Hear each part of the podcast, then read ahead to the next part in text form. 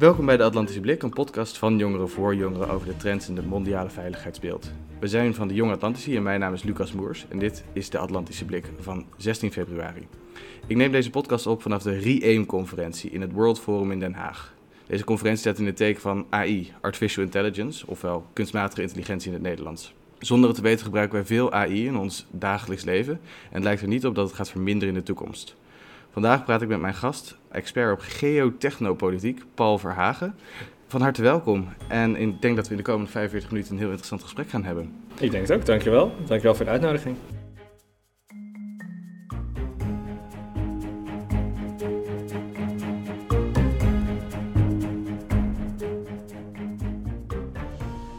Erg verheugd om uh, deze ontzettend belangrijke onderwerpen een beetje te mogen bespreken. Zoals ik het net al noemde, zijn wij vandaag op de REAIM-conferentie. En uh, deze conferentie zet in het teken van de verantwoordelijke inzet van AI. Nou ja, dat is nogal een, een vaag begrip. Maar uh, waarom vind jij het zo belangrijk om op deze conferentie te komen en deze thema's te bespreken? Nou, allereerst hebben we het natuurlijk over AI. En dat is een, een maatschappij-ontwrichtend niveau van technologie. dit gaat echt over fundamentele vragen van wat is een burger? Hoe betrekt de overheid zich tot het burgerschap, et cetera? Dus AI in het algemeen is heel belangrijk. Dat is waar ik me voornamelijk mee bezig hou. Uh, de militaire dimensie die eraan zit natuurlijk is militair ingrijpen en autonomous weapons bijvoorbeeld. Dat heeft een enorme impact. Dat wordt mede mogelijk gemaakt door AI. Dus inderdaad, daar moeten we het ook over hebben. Maar wat mij betreft is de bredere vraag eigenlijk... hoe ga je met AI over een maatschappelijk breder vlak om dan alleen militair? Ja, want het is een, hele, een, een technologie die ook heel breed ingezet wordt. Dat, dat schetste ik al eventjes in de introductie. Het, is, mm -hmm. het beperkt zich niet alleen tot het militaire domein. Nee, en, en dat, mijn gedachten hierover zijn ook eigenlijk van ja, in, in het militaire domein, en dat hoor je vrij vaak ook bij deze conferentie, heb je het uiteindelijk over dingen als proportional force of uh, rules of engagement, et cetera. En daar zit dan inderdaad een AI-sausje overheen in de vorm van: oké, als je inderdaad een AI gebruikt om je besluitvorming te sturen, in hoeverre verandert het dan de chain of responsibility, et cetera. Uh, maar fundamenteel zijn de vragen die je hebt rond de meer technische componenten van AI, bijvoorbeeld explainable AI, zijn niet uniek aan het militaire domein. Dus explainable AI is overal nodig, niet alleen qua uh, militaire doeleinden. Wat misschien wel interessant is als achtergrond is, je hebt twee verschillende grote stromingen van AI qua onderwerp. De een heet computer vision, CV. Dat is in zekere zin hoe kunnen computers of robots of AI's zien, hoe kunnen ze de wereld om zich heen zien. En de andere is natural language processing, dus dat is eigenlijk taalbegrip. Historisch is het militaire vlak meer CV gericht geweest, namelijk ik moet een object kunnen vinden, klassificeren en er dan iets op kunnen schieten. En minder geïnteresseerd geweest in NLP. Terwijl aan de civiele kant juist, uh, met name NLP, denk ChatGPT, veel meer in het oog staan van die, van die ethische bezwaren en die samenlevingsvraagstukken dan een CV. Er zitten ook natuurlijk CV-problemen aan de civiele kant, maar NLP is, waar daar nu de energie zit. Ik denk dat dat, uh, dat, dat een hele goede introductie is alweer van uh, waar we het ook nog verder over gaan hebben. Want nog even een kleine zijstap maken voordat we echt de diepte ingaan. Namelijk, uh, jij bent echt wel een expert op het gebied van de opkomende technologieën, waaronder AI. Maak je je zorgen over de ontwikkelingen die we nu zien? En nou ja, eigenlijk een hele simpele vraag. Lig je er wel eens wakker van? ja, nou ja, kijk, ik maak me sowieso zorgen over de manier waarop technologie inderdaad inhaakt op problemen in de samenleving. Ik ben niet het type, en dat, dat kom je wel heel vaak tegen in de AI-wereld, die zich zorgen maakt over sentient AI, right? dus de Artificial General Intelligence. Uh, dat is een heel specifieke subcategorie aan, aan mensen. Ik denk eerder zelf dat dat de zorgen over een, een sentient AI eigenlijk overblown zijn. En dat je eerder moet kijken naar in hoeverre kan AI bijvoorbeeld echt systematische biases, racisme, seksisme, et cetera, inbakken in een samenleving. Mm -hmm. Omdat de neiging om eigenlijk alle, alle soort dingen af te schuiven op een quote-unquote objectief algoritme heel sterk zijn. Dus we leven in dat, dat aspect eigenlijk op een heel uniek moment, namelijk dat je alle historische biases en, en ismes kunt inbakken op een kwantieve manier in de toekomst. Dus dat moment, dat kan je natuurlijk ook in de positieve zin formuleren van je kunt het nu ook omdraaien. Waar ik op technisch vlak misschien wel van wakker lig, en daar kunnen we misschien zo op komen, is quantum computing. Dat is een onderwerp wat echt veel minder aandacht krijgt dan AI. Dus een quantumcomputer is een bepaald soort computer die kan uh, operaties anders uitvoeren dan een analoge computer. Het probleem met een quantumcomputer is dat die heel effectief encryptie kan verbreken. Lang verhaal kort, min of meer als iemand een quantumcomputer zou hebben, dan is het mogelijk dat zij alle encryptie in de wereld kunnen verbreken. En zou het ook zo kunnen zijn dat je alle uh, data ook retroactief kunt decrypten.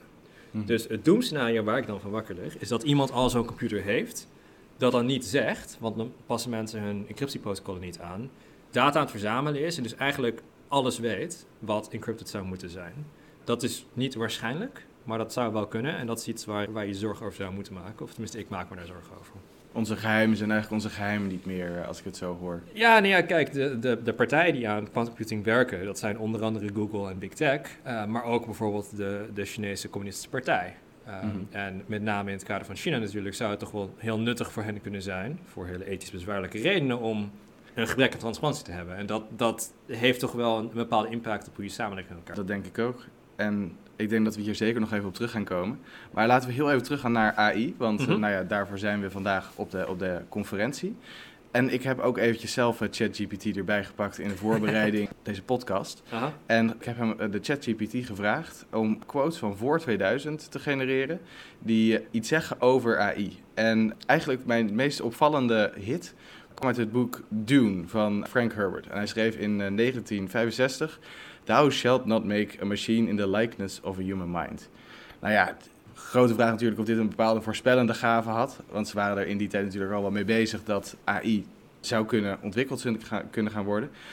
Mijn vraag aan jou is eigenlijk, waar dachten ze toen al aan? Wat was het beeld dat er toen was van AI? Wat is het beeld dat er nu is van AI? Ja. En matcht dat eigenlijk?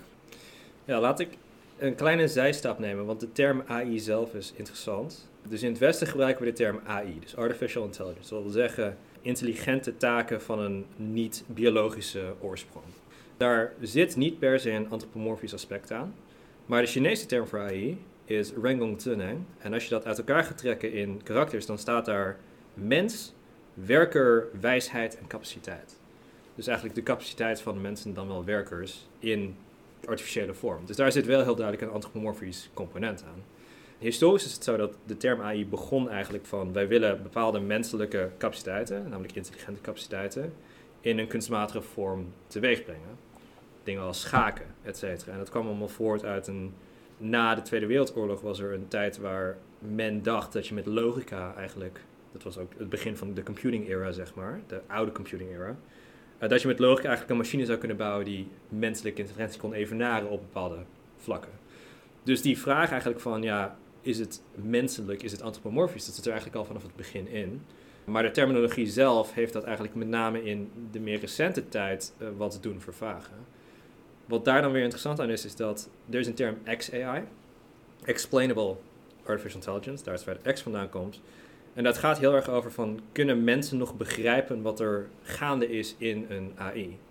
En daar kom je dus weer keihard tegen dat antropomorfisch aan, want als die AI op een manier nadenkt die niet menselijk is, in hoeverre is het dan nuttig om te vragen, kunnen wij begrijpen wat dat ding doet? Als het gewoon op een, puur wiskundige manier naar dingen aankijkt, en wij kijken naar een kat en zeggen, oh, oké, het heeft staart en vier poten en oortjes en snorharen, en de AI zegt, oh, het is een vector van 265 dimensies met deze waarde, ja, in hoeverre is dat dan nog compatible op een cognitief niveau? Dus daar kom je weer tegen die eigenlijk de divergentie van aan de ene kant AI en menselijke cognitie. Dus daar kom je weer tegen. Is het wenselijk dan om een menselijk soort van AI te hebben of juist niet? Wat denk jij? Is het wenselijk om een ja, AI dan te hebben die dat wel kan? Ja, het is, het is vrij duidelijk dat het wenselijk is om explainable AI te hebben. Dat wil eigenlijk ook zeggen dan dat je werkt met AI's die in ieder geval nominaal een vergelijkbaar cognitieproces moeten hebben aan mensen. Uh, dus als ik een, laten we een voorbeeld erbij voor de image classifier, dat traditionele voorbeeld van uh, AI. Is dit een hond of is dit een kat? En je hebt tegenwoordig AI's die eigenlijk met min of meer dezelfde nauwkeurigheid als mensen dit kunnen doen, zo'n 95%.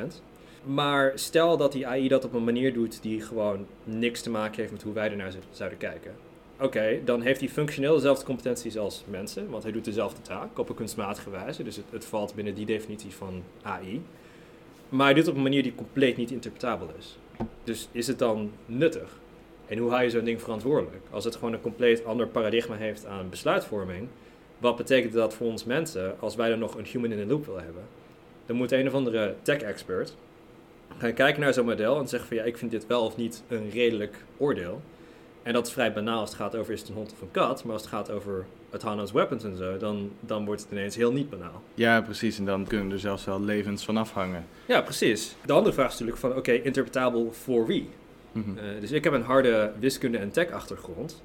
Dus voor mij is vector calculus is iets waar ik mee werk, maar voor de meeste mensen is dat niet het geval. Dus wat interpretabel is voor een, een AI-expert, echt een technische AI-expert, is lang niet interpretabel voor Jan en Alleman of voor beleidsmakers, et cetera. Dus wanneer je het hebt over, oké, ik ben overtuigd dat dit een voldoende verklaring is voor terug van AI, die threshold die varieert eigenlijk ook per persoon. En per competentie ook per persoon. Dus het is best wel ingewikkeld van oké, iedereen is erover eens dat we dat ding explainable willen hebben. Maar wat betekent dat dan precies? Ja, we zijn nog heel erg aan het zoeken naar de, de uitvoering dan. Nou, eigenlijk is kunstmatige intelligentie of AI al vrij wijd verspreid. Het wordt bijvoorbeeld gebruikt, wat je al even aanhaalde, in autonomous weapons, maar ook in verschillende sectoren om processen te versnellen. Want een computer kan dat eigenlijk vaak veel beter dan een mens. Laat staan een computer die ook nog eens menselijke intelligentie kan nabootsen. Maar waar gaat het heen met deze technologische ontwikkeling? Worden wij mensen overbodig? Gaan, moeten we dan daadwerkelijk gaan denken aan dingen als killer robots, zoals de, de populaire term genoemd wordt? Wat gaat de impact zijn? Nou ja, wat mij betreft, en daar had ik het net ook een beetje over, is het idee van een killer robot, dat spreekt heel erg aan, ook vanwege Hollywood. Maar dat is denk ik niet het grootste probleem. Ik denk dat je eerder zit te kijken naar maatschappelijke ontwrichting. Uh, want je kunt, er is een lens waar je door de menselijke geschiedenis kunt kijken, waar het eigenlijk gaat over de productiviteit van mensen verbeteren. Dus industrialisatie helpt erbij, elektriciteit helpt daarbij, et cetera. En nu hebben we eigenlijk voor het eerst een technologie die mogelijk ook mensen kan verplaatsen. Nou, wat gebeurt er als, pak iets heel soms, als alle buschauffeurs ineens worden weggeautomatiseerd? Nou, dat betekent ontwrichting van je samenleving en dat die banen dan wegvallen. Dus wat dat betreft, waar het heen gaat, is steeds verdere integratie van technologie. Die ook steeds meer en meer, met name low skill noemen ze dat dan, en dat is een beetje degenerative, maar bepaalde banen disproportioneel obsolet zal maken. En dat kan een probleem zijn, dat kan niet een probleem zijn. In de 19e eeuw bijvoorbeeld was een, een enorm logistiek probleem voor steden was om de paardenmest dagelijks weg te krijgen. Want er waren zoveel paarden die overal dan op de straat liepen te poepen en dat moet op een gegeven moment weggeschoten worden. Dus dit was echt een, een dagelijks probleem voor iedere grote stad, was om die straten schoon te krijgen. Nou, die banen hebben we niet meer. Deels omdat de technologie is ontwikkeld om paarden dan uit de steden te halen en niet meer als rijtuig te gebruiken. Maar het is maar zeer de vraag in hoeverre AI bijvoorbeeld echt dingen kan veranderen. En ook dingen kan aantasten, destabiliseren, et cetera. En wat mij betreft zit daar echt een grote vraag. Want de verleiding om het te gebruiken is heel groot. En wat dat betreft is misschien ook wel de, de genie of the bottle. AI zit al overal. Kan je vertellen dat als jij een smartphone gebruikt, dat het zeer onwaarschijnlijk is dat je niet op de een of andere manier met een AI in interactie aan aan het gaan bent. Of het nou Google is, of een of andere Tinder-app of whatever. Right? AI zit al in heel veel verschillende plekken. Wordt sowieso gebruikt om, om bepaalde apps dan de apparaten slimmer, sneller en beter te maken. Ja, het maakt je leven makkelijker, right? Uh, maar op een gegeven moment kan dat ding beter essays schrijven dan jij. Uh, ChatGPT is al een, een vrij, you know, uh, considerable bullshitter. Dus dingen als inderdaad het, het middelbare scholieren essay, dat, ja, hoeveel zin heeft dat nou nog? Het, het, lijkt me duidelijk dat dit een competentie is die je graag zou willen in studenten. Dat je gewoon een gedachte coherent kunt opschrijven. Maar als je eigenlijk ook al manieren hebt om het gewoon op deze manier te doen, why bother, right? Dus het, het tast ook echt gewoon fundamenteel dingen aan waar wij van denken dat het deel is van een mens zijn, van een burger zijn, van een deel zijn van de samenleving. Dus daar zitten echt grote vraagtekens. En je noemde al even het stukje bias. Dus er zit ook bias die je eigenlijk inbakt in zo'n uh, eh, AI. Wat kan de impact daarvan zijn? Verwachten we dan bij wijze van spreken meer homogene samenlevingen door, door zo'n bias? Nou ja, kijk, AI heeft als jij een witte heteroman bent, niet heel veel nadelen. Eh, afgezien van dingen als privacy, et cetera. En daar heb je ook al gelijk het probleem. Als je in de ingroep zit, waar veel data van beschikbaar is, waar dat model op is ontwikkeld, dan zijn er relatief weinig dingen die fout kunnen gaan. Maar als je niet in die groep zit, dan beginnen de problemen ineens te ontstaan. Dus we hebben ook al heel veel bewijs dat met name etnische minderheden, transgender, et cetera, dat die allemaal gewoon op een manier worden behandeld door AI die niet gelijkwaardig is. En dat is natuurlijk een, een grondbeginsel van met name westerse democratie, is dat je gelijkwaardig behandeld wordt. En dat doen die dingen dus niet. Dus bias is heel erg belangrijk. Allereerst omdat het dus disproportioneel bepaalde groepen raakt. En het tweede is omdat het gewoon slechtere producten maakt als je bias in je dingen hebt. Dus als ik nu een AI zou bouwen en zou zeggen, voorspel voor mij de volgende president van de Verenigde Staten, zegt ja, het is een man. Waarom is de man? Nou, omdat historisch is altijd een man geweest. Dus blijkbaar is er een kausaal verband tussen het man zijn en president worden. En daar zit wel wat in. Ik bedoel, er zijn redenen dat dit het geval is. Niet goede redenen overigens. Maar oké, dus dan moet ik dan gaan corrigeren op die AI van... ja, maar het kan ook een vrouw zijn. En dan zegt AI, maar ja, waar heb ik geen data van? Dus dat soort vraagstellingen, daar kom je dan tegen. Dat is lastig, want debiasing is iets wat heel belangrijk is voor AI. Maar anderzijds wonen we en leven in een wereld die vol zit met biases. Iedereen heeft biases. Dus is het alternatief dan om een AI neer te zetten die bias-free is en eigenlijk dusdanig divergeert van de realiteit in de samenleving? Of is dat juist iets waar we naartoe moeten werken als samenleving? Dus is de AI dan leidend en corrigerend? Of moet die AI juist eigenlijk de samenleving reflecteren? Dat zijn vrij lastige dingen om mee om te gaan. Ik denk ook wel dat onze beleidsmakers met hand in het haar zitten over deze onderwerpen. Nou, daar snij je ook echt een, een onderwerp aan. Want uh, kijk, ik heb dus zelf een, tech-achtergrond. En ik kan je vertellen dat de meeste beleidsmakers, als je een formule op het bord schrijft, echt gillend wegrennen. Uh, dat zijn meestal relatief wiskundig fobische types. Die hebben natuurlijk zeker hele goede competenties, maar er is echt een gebrek aan technische kennis binnen de beleidsvelden. En zelfs als jij dus de academische wereld ingaat en een PhD gaat doen op AI, heb je misschien 1 à 2 jaar voordat jouw PhD-research al technologisch achterhaald is. Dus dit zijn mensen die fulltime op de hardcore techniek gaan zitten en al na twee jaar eigenlijk hun, hun magnus open, hun PhD, al achterhaald zien worden. En als die mensen al geen hoop hebben van de technologische vaarten en snelte bijbenen, hoe ga je dat dan als beleidsmaker doen? En hoe ga je dat doen om te reguleren op een technologie die dusdanig snel verandert dat het heel erg belangrijk is dat je weet waar dit heen gaat. Dus daar zitten echt gewoon fundamentele obstakels, ook omdat de techsector ongelooflijk veel geld beschikbaar heeft om mensen weg te halen uit de publieke sector en richting de privésector. Er zijn een aantal cijfers. Een, een AI-specialist die kan een startsalaris hebben van een kwart miljoen dollar per jaar. Nou, dat ga je niet krijgen bij de Rijksoverheid. Uh, zelfs niet als je in de hoogste klasse zit. Dus waarom zou je dan, zelfs als je geïnteresseerd bent in beleid, die keuze maken om eigenlijk financieel minder goed uit te zijn, economisch minder goed uit te zijn, om dan wel aan beleid te gaan werken? Dus daar zit, daar zit een zekere brain drain onder. Ja, en ik denk dat dat ook voor ons als maatschappij en voor mensen die er minder van af weten, eigenlijk als een soort gevaar wordt gezien. De onbegrip misschien komt dan ook wel uit voort. Want ja, wat, je, wat, je, zegt, we, we, ja, angst. We gebruiken het allemaal op onze telefoon. Maar ja, moeten we ons er meer zorgen om maken? Moeten we dit hoog op de politieke agenda zetten? Ja en nee. Kijk, ik denk dat het is een soort van heel aan de ene kant, andere kant verhaal. Want aan de ene kant hebben we via met name de aanwezigheid van dingen als Hollywood een zekere aversie voor de Terminator en alles zeg maar robot AI. En mensen denken ook al heel snel aan killer robots. Aan de andere kant, als je de beleidsdocumenten gaat lezen voor met name steden als Amsterdam of de zeg maar wat meer progressieve steden, dan wordt er echt in geuren en kleuren gesproken over AI gaat overal in geïntegreerd worden en gaat alles beter maken, et cetera. Er wordt relatief weinig gesproken over de risico's die daar aan zitten. Dus we moeten daar realistisch naar kijken. AI is niet een oplossing voor alles. Het kan dingen die al fout zijn verergeren. Het kan ook zeker worden gebruikt om dingen te verbeteren. Maar we moeten wel echt helder zijn over waar mogelijke gevaren zitten. Ja, en het geldt ook voor dingen als quantum computing, wat we net al even noemden. Precies. Maar om nog heel even dan een, een zijstapje te maken. Mhm. Stel we, we willen AI dus gaan integreren, verder gaan gebruiken en, en zeggen, nou ja, we, we zetten hierop in als samenleving. Hoe doen we dat op een verantwoorde manier? Allereerst moet je daar een bepaalde multi-stakeholder-achtige approach voor hebben. En hier komen we al gelijk tegen een probleem aan waar, waar we zo direct veel meer over zullen praten. Het ontwikkelen van een model als ChatGPT, daar zit orde van grootheid 10 miljoen dollar in, alleen in de elektriciteit kosten om dat ding te trainen. Oké? Om het te ontwikkelen heb je ook nog R&D nodig, engineers, een bedrijf. Je engineers moeten gevoed worden, dus je hebt lunch nodig, et cetera. Dus we hebben het hier over modellen die honderden miljoenen dollars kosten. De research endowment van de UvA is 600 miljoen. Dus de UvA kan het niet veroorloven om een derde van hun budget neer te zetten op zo'n model bouwen. Dus de enige mensen die eigenlijk toegang hebben tot die modellen, dat zijn de mensen in big tech. Dan wel de middelgrote defensiebudgetten. Want je hebt het over aanbesteding, aanbesteding van meerdere honderden miljoenen.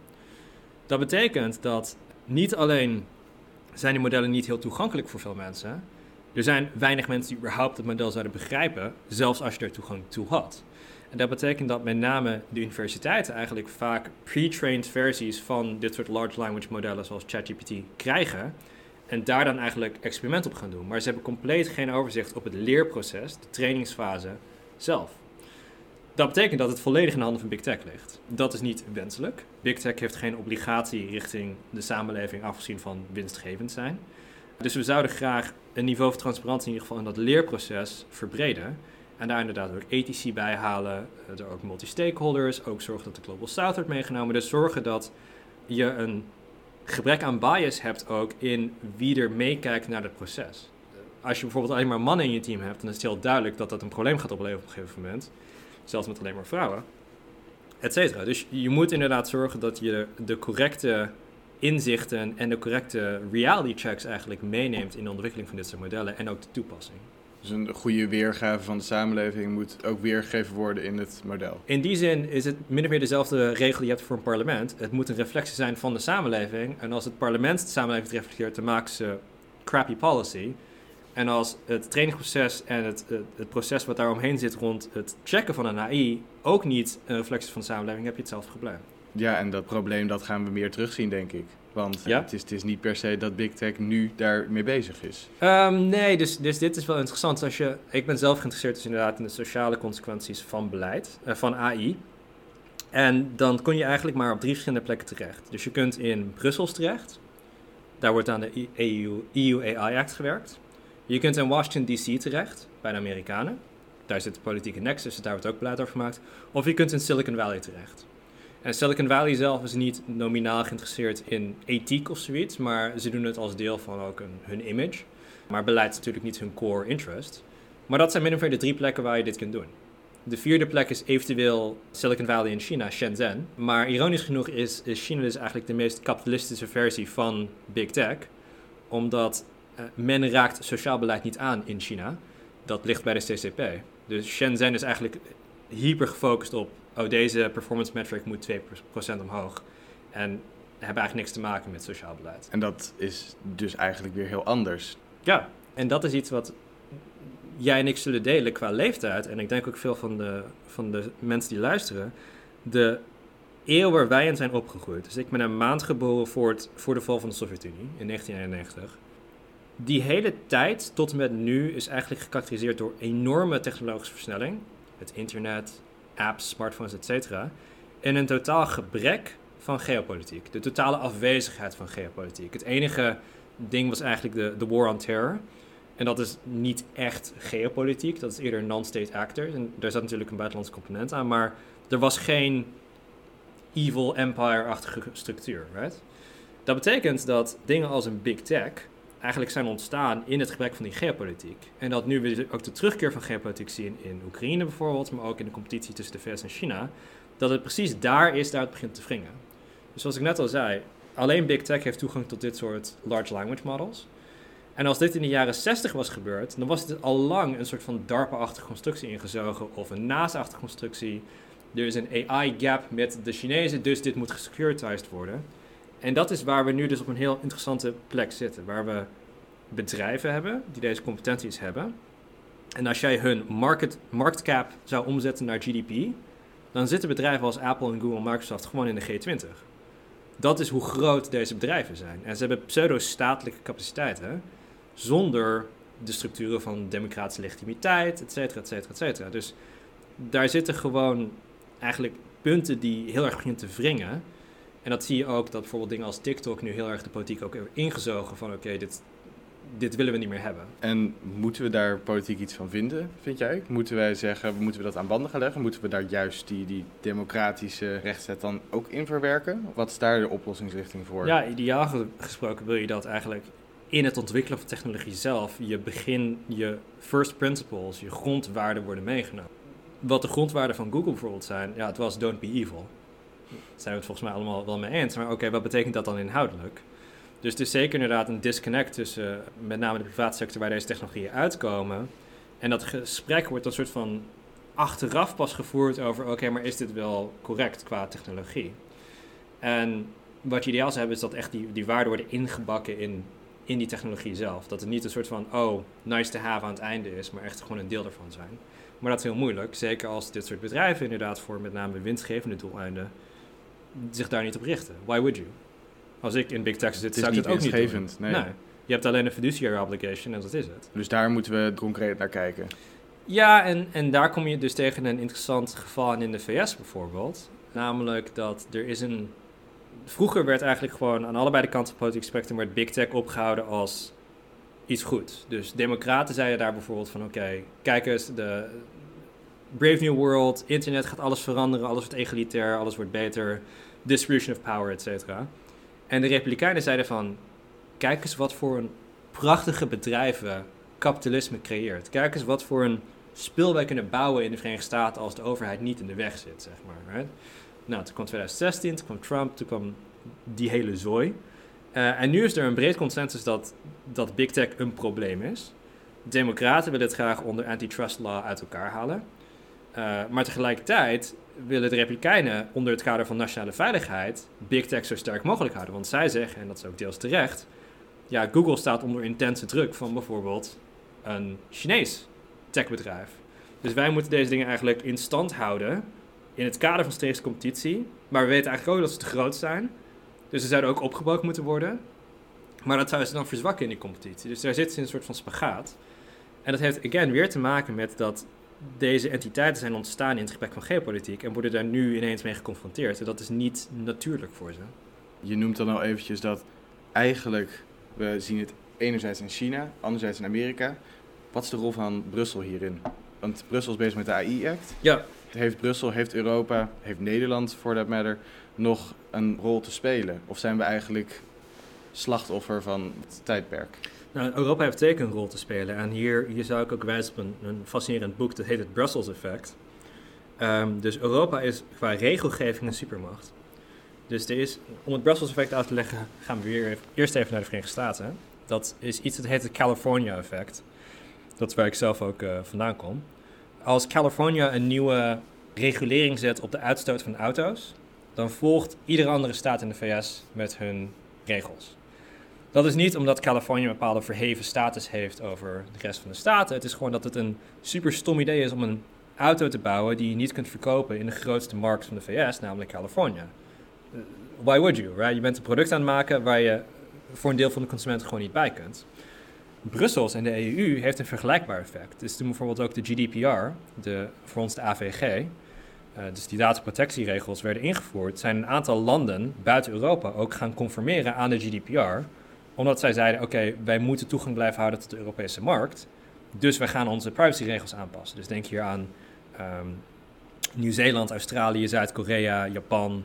Dus dit zijn natuurlijk allemaal ook wel democratieën. Um, maar dat effect is wel heel erg sterk. En Europa heeft wel de capaciteit om dus intern regelgeving neer te zetten die mondiale effecten heeft.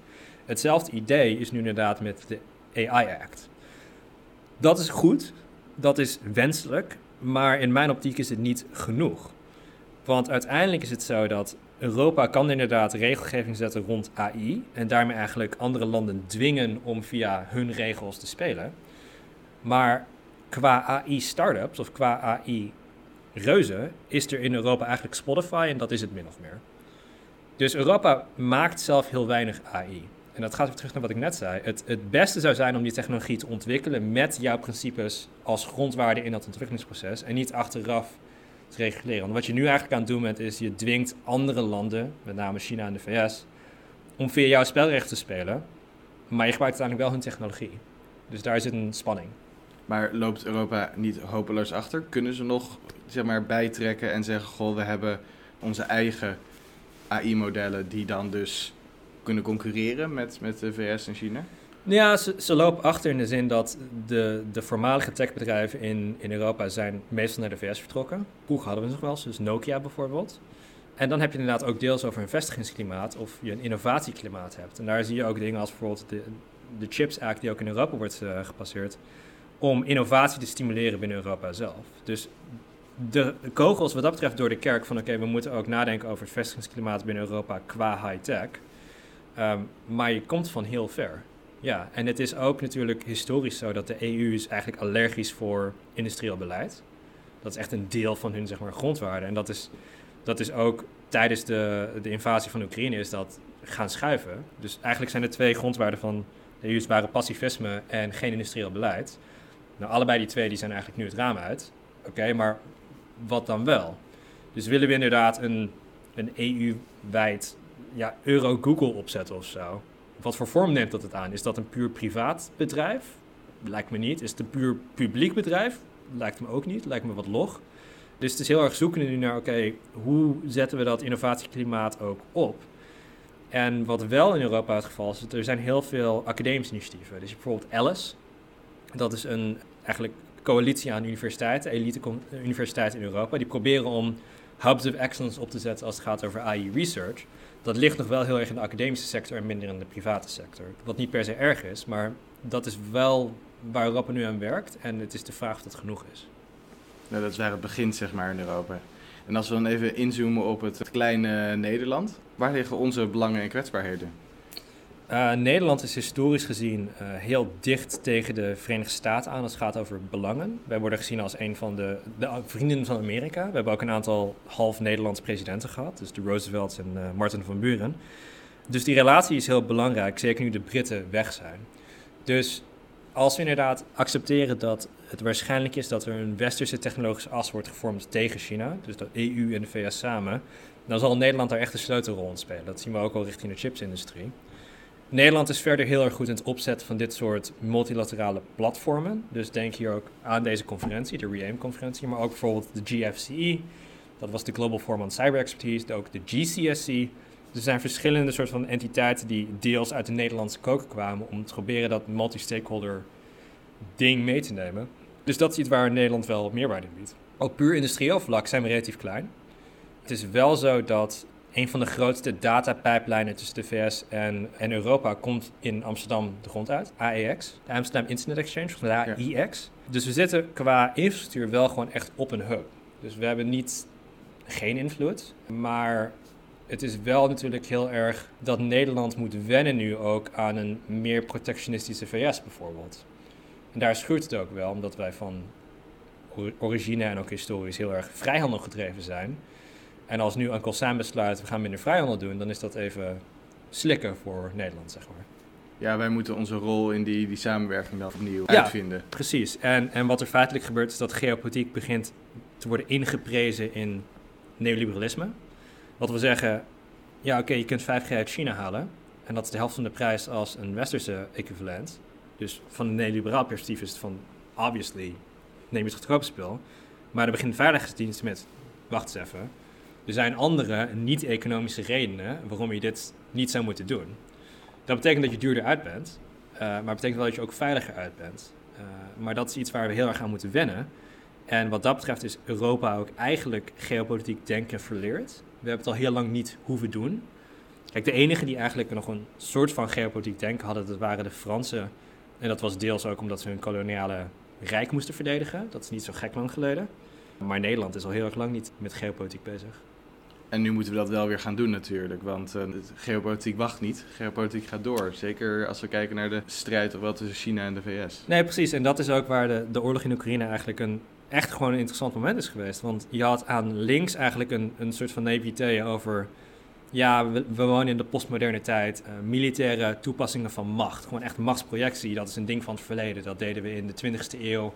En nu nooit meer. Dat hebben we niet meer nodig om, om de wereld te veranderen. Nou, pacifisme biedt weinig dekking tegen tanks. En aan rechts had je eigenlijk de naïviteit van ja, als we maar blijven handelen, dus het, uh, het oostpolitiek beleid van Duitsland, dan op een gegeven moment draait die Poetin wel bij en dan komt het ook allemaal goed. Nou, dat is ook compleet niet gebleken. Dus again, dat neoliberalisme en dat pacifisme, dat is nu afgebrokkeld. Wat gaat Europa dan doen? Oké, nou, daar moeten we over nadenken. En dat is nog best wel moeilijk om te formuleren. Ja, ons, onszelf weer uitvinden, opnieuw uitvinden eigenlijk. Ja, het is gewoon echt een identiteitscrisis. En het is, kijk, dit is een, een meer abstract punt, maar je hebt misschien wel eens gehoord van de soft power versus hard power dimensies. Dus soft power is eigenlijk in hoeverre kun je mensen overtuigen om met je mee te gaan. Denk hier aan diplomatie, denk hier aan uh, culturele interacties, et cetera. Hard power is gewoon een stok achter de deur van ik ga je dwingen om iets te doen. Economie valt daar soort van tussen. Met name in Europa. Maar zowel de Chinezen als de Amerikanen zien economie gewoon als deel van die power digitoom. Die gebruiken ook economisch beleid gewoon om hun belangen door te drukken. En wat dat betreft is Europa eigenlijk economisch gezien enorm. Het is een van de grootste afzetmarkten in de wereld. Dat we ook waarom dingen als die GDPR bijvoorbeeld invloed hebben op mondiaal beleid. Dus er wordt vaak gezegd, oké, Europa is een geopolitieke dwerg en militair hebben eigenlijk helemaal niks. Maar qua economie zijn we echt een volwaardige grootmacht. En dat kun je gebruiken. Je moet wel gaan nadenken of je moet gebruiken en niet het aan volledig aan de vrije markt overlaten.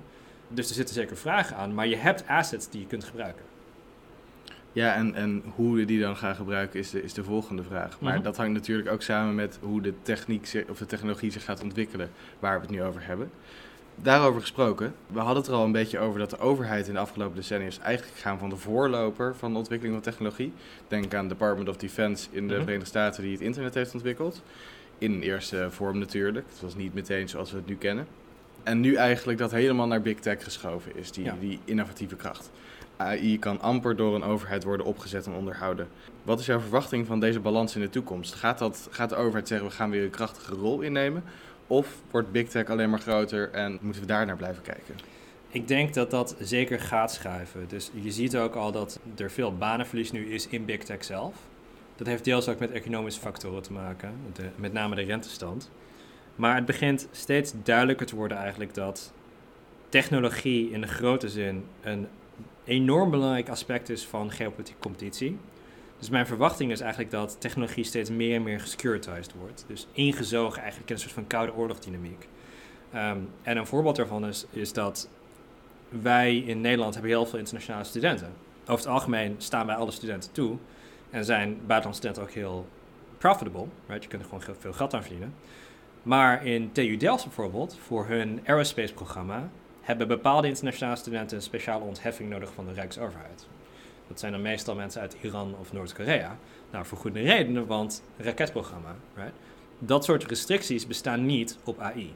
Er zijn relatief veel buitenlandse studenten, dan wel van China, dan wel van eh, Iran, et cetera, die inderdaad naar Nederland toe komen om dan AI te studeren. En soms gaan die ook inderdaad terug naar de techsector in China. Dat is goed, in de zin dat het leidt tot meer internationale samenwerking. Maar als je dat afzet tegen een security logica, dan begint het heel duidelijk te worden dat dat waarschijnlijk niet houdbaar is. Dus dat inderdaad ook onderwijsprogramma's van AI in die security logica worden meegezogen en daarmee een soort van dual-use technology-achtige status krijgen. Daar zitten ook zeker nadelen aan. Um, ik verwacht zeker dat er een tech-conflict gaat ontstaan, een soort van AI-arms race. Dat is niet alleen het militair, maar ook de sociale en de economische voordelen die je kunt krijgen uit artificial intelligence. Dus dan krijg je echt een koude oorlogachtige dynamiek. Je ziet het ook al op chips ontstaan. En dat is echt een openingsschot in een veel breder conflict. Want we hebben het hier over echt generatie en misschien wel mensheid definiërende type technologieën. Dus we hebben het over artificial intelligence, maar ook over kernfusie. We hebben het over klimaatverandering en alle accessoires die je daarvoor nodig hebt, inclusief AI. Dus er is heel veel te winnen. En als je echt in een geopolitiek conflict, een scenario terechtkomt, dan is het ook wij moeten winnen en die ander moet niet winnen. En dat is een zelfversterkende logica. Er zitten heel veel nadelen aan, er zitten ook wat voordelen aan. Tech races zijn niet per definitie slecht voor innovatie. Denk aan de space race. Waar ze heel slecht voor zijn, is disseminatie van technologie. Dus dan krijg je inderdaad een soort van losgekoppelde tech-ecosystemen. Een, een Chinees of niet-westers blok en een westers blok. Ja, dat het fragmentatie in de hand werkt eigenlijk. Ja, en, en dit is natuurlijk ook een van die vragen die, die je hebt rond bijvoorbeeld de chipindustrie. Van oké, als je inderdaad China ontzegt tot de nieuwste chiptechnologie, nou, dan gaan ze het zelf ontwikkelen. En het is niet een gegeven dat het Westen altijd sneller kan innoveren dan China. Dus nu ligt het Westen inderdaad voor. Maar stel dat er een of andere breakthrough plaatsvindt in China en je hebt al technologisch ontkoppeld van China, dan nu lig je ineens achter. Dus nu heeft jouw poging eigenlijk om te ontkoppelen en je eigen tekst-ecosysteem te bewaren, is met terugwerkende kracht eigenlijk weer in je gezicht ontploft. En nu ga je technologie uh, race aan met een achterstand. En we zien ook al dat dingen als uh, de limitaties van Moore's Law, dus die processing power per chip, begint al te ontstaan. We zien de limitaties ook van halfgeleiders uit siliconen. Er zijn allerlei problemen die beginnen te ontstaan op een puur technisch vlak, waar engineering solutions voor moeten komen. Het is niet gegarandeerd dat het uit het Westen komt. Nee, en daarom is het geopolitieke stukje zo belangrijk. Jij als, als geotechno-politiek expert, ja. nou, jij zal uh, niet, uh, niet zonder een baan komen zitten in de nabije toekomst. Ik hoop het niet, maar we zullen zien. Anders ga ik podcast maken. Precies. In deze podcast hebben we het heel veel gehad over technologie en hoe we die dus wel verantwoord kunnen gebruiken, hoe we die wel verantwoord terug kunnen laten komen in deze eigen mm -hmm. politieke vraagstukken. Waar zouden we op moeten letten als we in de komende vijf jaar technologie gaan doorontwikkelen, wat zou onze aandacht moeten hebben? Waarvoor moeten we conferenties zoals deze gaan organiseren? Is dat quantum computing? Is dat big data? Ik denk dat je het hebt over voornamelijk AI nu. Kijk, quantum computing is belangrijk, maar het is een relatief niche probleem vanwege de encryptie aspecten. Dus het is ook vrij niche in die zin. Ik denk waar we het over moeten hebben is eigenlijk wat betekent dit voor de samenleving? Wat betekent het als inderdaad mensen gewoon min of meer obsolet worden gemaakt? Maar daar moeten we het ook samen over hebben, neem ik aan. Ja, we moeten het niet alleen maar met zeg, een, want hier komt een redelijk specifiek publiek op af. Ja. Moeten we het juist als samenleving uh, over hebben dan? Ja, en je kunt hier een vergelijking trekken met iets als een Universal Basic Income. Uh, daar wordt vaak in met name elite linkse cirkels heel veel over gesproken. Van, oh ja, maar iedereen krijgt een basisinkomen en dan kunnen die staalwerkers een poëzie gaan schrijven of zoiets. Nou, ik weet niet of je ooit een staalwerker hebt ontmoet, maar de meesten willen niet poëzie schrijven. En ik denk dat ook met name in elite circus wordt onderschat wat de meerwaarde, de identiteit, de existentiële waarde is van een baan hebben. En dat een, een technologie als AI, dat als jij letterlijk. Kijk, als jij denkt van ik ben een staalwerker, dat is mijn zeg maar, functie in het leven, afgezien van vader, whatever. Uh, en dat wordt je ontnomen door een technologie. Nou, dat, dat hakt er wel in hoor. Dat kan ik je wel vertellen. Dus daar moet ook echt over nagedacht van hoe, hoe ga je die ontwrichting die eraan gaat komen, sturen en proberen ook te mitigeren. En dan kom je weer again tegen het probleem aan dat er gewoon relatief weinig beleidsmakers zijn die met die technologie omgaan. Door premier Rutte die gebruikt een Nokia. Dat is nou niet per se de meest zeg maar, geavanceerde technologie. Joe Biden is you know, 80 jaar oud. De Amerikaanse Senaat is relatief oud. Die vroeg laatst, geloof ik, aan de CEO van Google hoe een iPhone werkt. Nou, meneer, dat zijn andere bedrijven. Dus er zit zeker een soort van split tussen. We zien die dingen op ons afkomen, we moeten er maatschappelijk iets mee, maar de, de skills die we nodig hebben ervoor, die zijn er gewoon niet. Of ze zitten op de verkeerde plek, ze zitten in Silicon Valley. Dat is waar wij het denk ik over moeten hebben. Het moet aantrekkelijk worden voor ook technici om zich met beleid bezig te houden. En ook beleidsmakers moeten minder technofobisch zijn. En ja, dat betekent dat je inderdaad af en toe ook niet moet wegschikken van wiskunde, eh, want het kan ook nuttig zijn. Die mensen er ook juist bij betrekken. Laat het, laten we het maar eens met elkaar gaan bespreken, uitleggen. En eigenlijk hebben we dan gewoon techno-politiek leiderschap nodig. we, hebben, we, hebben, we eh, moeten het samen doen. Precies, als maatschappij moeten we bij elkaar komen. Ter afsluiting wil ik je nog een laatste vraag stellen. Ons publiek zijn studenten en young professionals. Wat zou je hen mee willen geven? Waar moeten zij in het dagelijks leven letten als het gaat om het gebruik van AI en andere spannende opkomende technologieën? Het advies wat ik zou geven is: kijk, ik weet dat statistiek en calculus vervelend is. Oké, ik weet dat waarschijnlijk je het zo snel mogelijk laten vallen. Maar zorg ervoor dat je in een positie zit waar je niet bang bent voor algoritmische dingen. Dus denk ook over programmeren, denk ook over wat basale wiskunde. Het is niet per se de noodzaak dat je een, een datawetenschapper of zoiets dergelijks wordt. Right? Maar je moet wel naar een grafiek kunnen kijken en het in kunnen nemen als informatie. En niet gelijk denken, dit is te moeilijk, hier ga ik van weg. En dat is met name relevant aan het begin van je carrière. Je hoeft geen theoretische natuurkunde te studeren. Right? Je hoeft geen multidimensionale vectorcalculus te doen. Maar zorg ervoor dat je comfortabel bent met in ieder geval een, een relatief oppervlakkig gesprek hebben over technologie en ook de technische componenten ervan. Want het heeft echt weerslag op de samenleving en het heeft weerslag op hoe jij je relateert tot die technologie. Dus probeer jezelf ook vooral te demystificeren over die magische AI-dingen. Je hoeft ze niet te bouwen, maar zorg dat je ze begrijpt. Een beetje in ieder geval. Dus eigenlijk, als ik het even mag chargeren, moeten we gewoon leren programmeren op de middelbare school in plaats van Engels volgen. Uh, dat zou nuttig zijn. Je hoeft niet te leren programmeren, maar zorg in ieder geval dat je een, een beetje een mindset hebt voor algoritmisch nadenken. Nou, dat lijkt me een mooie, mooie afsluiting. Uh, daar gaan we mee verder. Ik wil je hartelijk bedanken voor je tijd, inzichten en duiding. Uh, ik heb hier wat geleerd en ik hoop de, de luisteraars ook. Dit was de Atlantische Blik, een podcast van jongeren voor jongeren over de trends in het mondiale veiligheidsbeeld. Abonneer je op deze podcast om niks te hoeven missen of check onze website om er een volgende keer live bij te zijn. Op 1 april organiseren wij namelijk onze jaarlijkse conferentie, de Atlantic Assembly in Den Haag, waar jij live vragen kan stellen bij het opnemen van de volgende podcast. Snel aanmelden dus. Voor nu wens ik je een hele fijne dag en wij hopen je binnenkort terug te zien bij de Jong Atlantici.